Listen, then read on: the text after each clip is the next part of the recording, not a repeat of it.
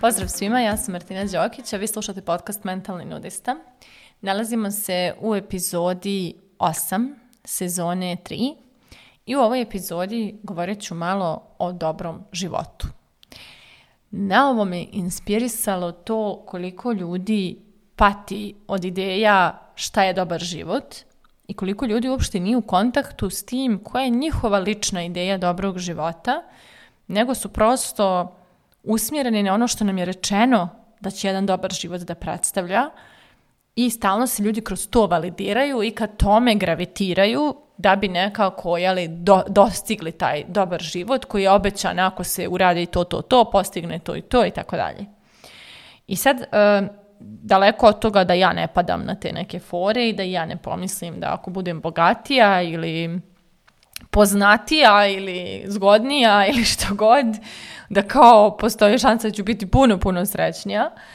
Ali poslednjih godina sam se malo umudrila kada je to u pitanju i negdje sam došla do nekih, da kažem, uh, zaključaka, boga mi iskustava, onako ličnih, jakih, koje su mi pokazala koliko dobar život ne zavisi skoro ni od čeg što smo naučeni da zapravo kreira dobar život.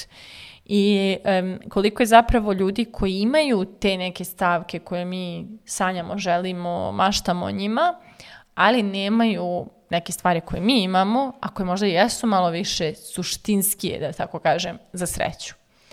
I sad, um, postoji znači puno ideja šta dobar život predstavlja. On svakako predstavlja jednu uspješnu karijeru, brak, djecu, fizički izgled, pare, putovanja, eventualno slavu, moć i tako dalje. Međutim, ono što je činjenica je da ako mi nemamo kapacitet da budemo uh, srećni i da se radujemo stvarima određenim, mi te stvari nećemo ni, ni, ni primijetiti, odnosno nećemo uopšte uživati u njima. Pa će tako neko puno više uživati u nekim sitnicama nego neko što, ko, ko je dobio ne znam šta i postigao ne znam šta. Sve zavisi od toga je li kakvo je unutrašnje stanje u nama i kakvi su nam kapaciteti. I nedavno pričam ja sa jednim klijentom koji ima, koji je ono uspješan, zgodan, lijep, e, ima svoju firmu i tako dalje. I govori on meni za svoje neko okruženje kako je okružen fenomenalnim momcima koji su uh, jako bogati, zgodni, pametni, moćni, neki od njih su postali milioneri prije 30. i tako dalje. I kao, a kao ne može veruje koliko malo samopouzdanja oni imaju. I onda ja na to kažem pa da, ali oni su sve to postigli baš zato što nemaju samopouzdanje. E sad da me ne shvatite pogrešno, sad ću to da se objasnim. Naravno neko postigne svašta iz samopouzdanja, ali postoje stvari kojima pokušavamo da nadomjestimo samopouzdanje, pa to, ako budemo imali više titula, ako budemo zarađivali više novca, ako budemo izgledali što bolje, ako nam svaka dlaka na glavi bude na svom mjestu, možda ćemo biti malo moćniji i malo samouvjereniji, a u stvari ništa to s polja ne može da zamijeni naš interni dijalog koji imamo sa sobom. I onda prosto ljudi koji e, često baš ti mnogo uspješni ljudi boj, boj, biju neke borbe unutrašnje zbog kojih toliko nezasito jure na sve strane i pokušavaju svašta nešto postignu, ne bi ta unutrašnja borba stala. Znači ne bi, ne bi prestao taj osjećaj niže vrijednosti, nedovoljnosti, e, ne znam, nija, neuklopljenosti, šta god sad koga vozi i muči. I snimala sam jednom davno epizodu, mislim da u prvom, pot, prvoj sezoni bilo to, na temu toga e, i kako i ratovi postoje, zato što neko pokuša nešto da dokaže kroz to, kako onaj što ima milijarde pa juri još jednu, zapravo ne stiže da uživa ni u čemu jer toliko, toliko borbu u sebi vodi. E to vam je prosto e, e, činjenica da mnogo ljudi koji imaju sve te kriterijume dobrog života, zapravo nemaju previše dobar život. Jer kada ostanu sami sa sobom, njima nije dobro u njihovoj koži. S druge strane, postoje ljudi koji nisu postigli ništa od tih kriterijuma. Na primjer, moja baba, koja je bila nepismena i koja je čitav život provela u selu, ja garantujem da je bila ispunjenija i srećnija od mnogo nekih ljudi koji su ne znam šta vidjeli, ne znam gdje bili, ne znam šta postigli. Jer je žena znala da bude prisutna, da uživa onome što ima, da prosto upija sadašnji trenutak i sve što taj trenutak donosi. I to je prosto, da kažem, taj kontrast. Neko može da ima kućicu, bašticu, e, koju održava par odjevnih komada, da nema društvene mreže, da nema ništa i da bude puno ispunjenija osoba od nekoga ko je na vrhu svijeta u nekom polju. I to prosto kad krenete gledati dokumentarce o uspješnim ljudima poznatim, vidjet ćete koliko je tu i borbe i, i kompleksa i svega bilo u toj igri.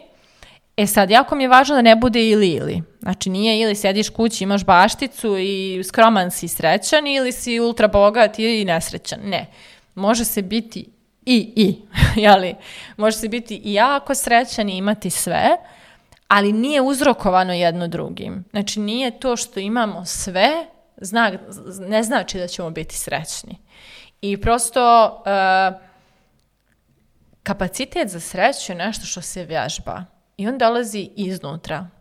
Što je nama bolje u našoj koži, s nama samima? Što smo sebi bolje društvo? Što je ovaj glas u našoj glavi uh, puniji podrške, da tako kažem, što je nježniji prema nama, što, je, što nas više razumije, bodri i uvažava taj glas u nama, to je naša, e, naš kapacitet za sreću veći. Što je taj glas u nama strožiji, zahtjevniji, kritikujući, više kritikujući i tako dalje. Šta god mi s polja napravili, ne bil napokon bili dobro, neće biti dovoljno. Jer taj glas i dalje tu postoji, izvoca nam i mrači nas i prosto nama u našoj toj kući, u našoj glavi, u našem tijelu nije dobro. Kako god mi s polja izgledali i tako dalje. I onda upravo taj, da kažem, rad na tom unutrašnjem svijetu kreira zapravo dobar život u odnosu na sve što je s polja. Znači, um, to spolja će često doći kao posljedica kreiranja tog unutrašnjeg svijeta. Ja prva mogu reći, na primjer, uh, ja sam bila neko koji je bio jako iskompleksiran. Znači, baš, baš, baš iskompleksirana. Prosto imala sam, da kažem, dobar uvod u život koji me, koji me pretvorio u takvu osobu. I uh, bila sam nekako koje umarao se, koliko god ja sam stalno bila okružena ljudima i družila se s njima, ali svaku svoju riječ sam mjerila po šesto puta, jer ja pre nego što nešto izgovorim, razmišljam šta će ova osoba pomisliti ako ja kažem ovako, šta ako kažem ovako, šta ako kažem ovako, pa onda ja tu kažem kako bi mogla toj osobi potencijalno da budem što bolja. E, da ne pričam o tome što sam ono, overshareovala, znači previše se otvarala koje kakvim ljudima, u potrebi da se konektujem, zbližim i tako dalje. Znači, prosto nisam imala nikakve granice, bila sam totalno zbrkana. I uh, tek kad sam počela da peglam taj svoj unutrašnji svijet u kojem sam se osjećala odbačeno, nedovoljno, bezvrijedno uh, i svakako nekako, te kad je to počelo se slaže, ovo s polja je počelo se slaže. Znači, prosto s polja su počeli da dolaze rezultati, počeli su da dolazi pravo, da počela sam da dobijam pravo da pratim svoje neke ideje slobodno i bez straha i od osude i od odbacivanja i itd. itd. Mislim da se razumijemo, taj strah uvijek postoji. Imam ga ja sad na nekom nivou, jel meni karijera sad ulazi neki novi nivo i naravno da imam neke strahove ono, od toga kakve to odgovornosti nosi i svašta nešto. Ali s druge strane imam i puno podrške unutar sebe da ja to mogu i da mogu da ispoštujem svoje ideje i da ih ispratim jer uh, ja vjerujem u sebe I onda taj moj proces uživanja u svojoj istini, u kreiranju svoje autentičnosti, izražavanju svoje autentičnosti, to sam sve, znači, prava na to sam dobila kada sam unutar sebe počela preslažem svijet. I onda sam mogla sve više da pratim svoje istinske ideje, šta mene istinski ispunjava, šta mene istinski čini srećnom, bez obzira šta je sistem rekao da je prava sreća. I onda su oči počele da mi sijaju.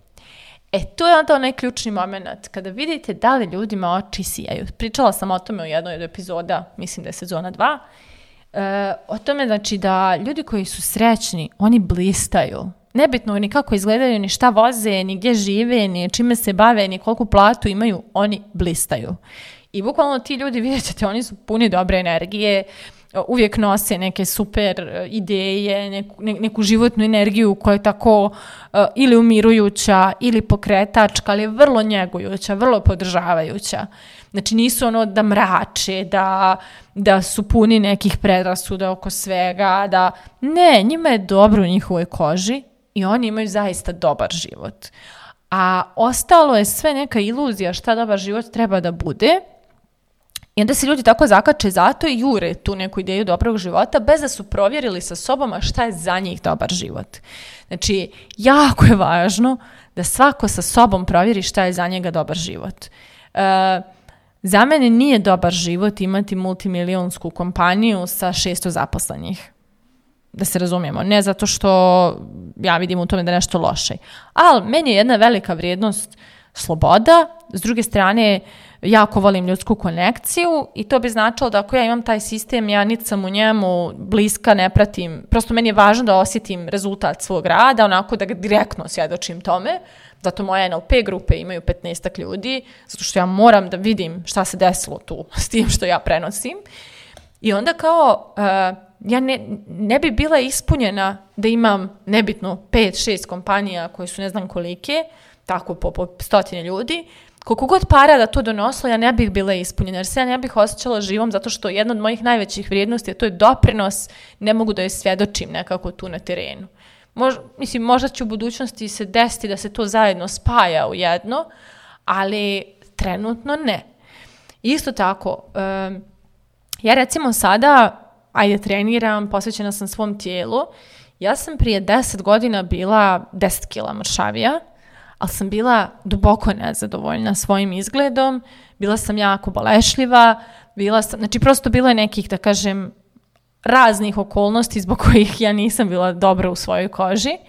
A kada bi čovjek pogleda te dve slike, rekao bi, jao, kako si ovdje bila zgodna, kako si ovdje bila, ne znam šta, a suštinski moja energija je potpuno drugačija sada i tada. Sada imam više kilograma, ali sam u puno boljoj formi, uh, puno se bolje osjećam u svojoj koži, puno sam samouvjerenija, uh, vladam svojim seksi pilom u smislu umem da budem seksi, da uživam u tome i tako dalje. I prosto, kao, iako objektivno gledano, ono drugo je kriterijum dobrog života, ovo što sad živim je za mene dobar život. I u suštini to je baš ključno da svako za sebe odredi šta je za njega dobar život. Jer ukoliko to što prije ne odredite, to znači da će prosto svijet da vam diktira ideje i vi ćete da nasjedate na njih, idete okolo, jurite komove bez glave, neke stvari koje ne moraju biti put do vaše sreće. A možda je zapravo put do vaše sreće, evo ga tu, bukvalno vam je u dvorištu i dva koraka vas dijeli do njega, samo je pojenta da se okrenete u tu stranu i kažete, aha, ali ovo je stvarno moja sreća, ovo, ne ovo vamo što mi je rečeno, nego baš ovo ovdje što ja želim. Često vaša sreća neće biti logična drugima, često neće biti uh, društveno prihvatljiva, moja često nije bila, ja kada sam počela da se bavim NLP-om, uh, to je bilo pri početku uh, ovih pravaca kod nas na ovim prostorima, mnogo ljudi koji me zna karakterisalo me kao nekoga ko prodaje maglu, ko je u nekoj sekti, ko je ne znam šta, ali meni je bilo dobro. Meni je bilo puno bolje nego u odnosu na sve prethodne situacije u životu i ja sam se držala toga što je moja sreća, iako to drugima nije bilo ni logično ni jasno. Davala sam otkaze na sigurnim poslovima, iako je to po nekim kriterijumima bila sreća i neki dobar život. I odlazila da radim nešto manje plaćeno, ali što me približava mojim ciljevima. Znači, kako kažem, po nekim društvenim kriterijumima bila sam idiot, po mojim kriterijumima bila sam neko ko tačno zna šta radi, mislim nije, nije baš to tako bilo bistro u mojoj glavi, ali bila sam neko ko radi nešto što njega više ispunjava.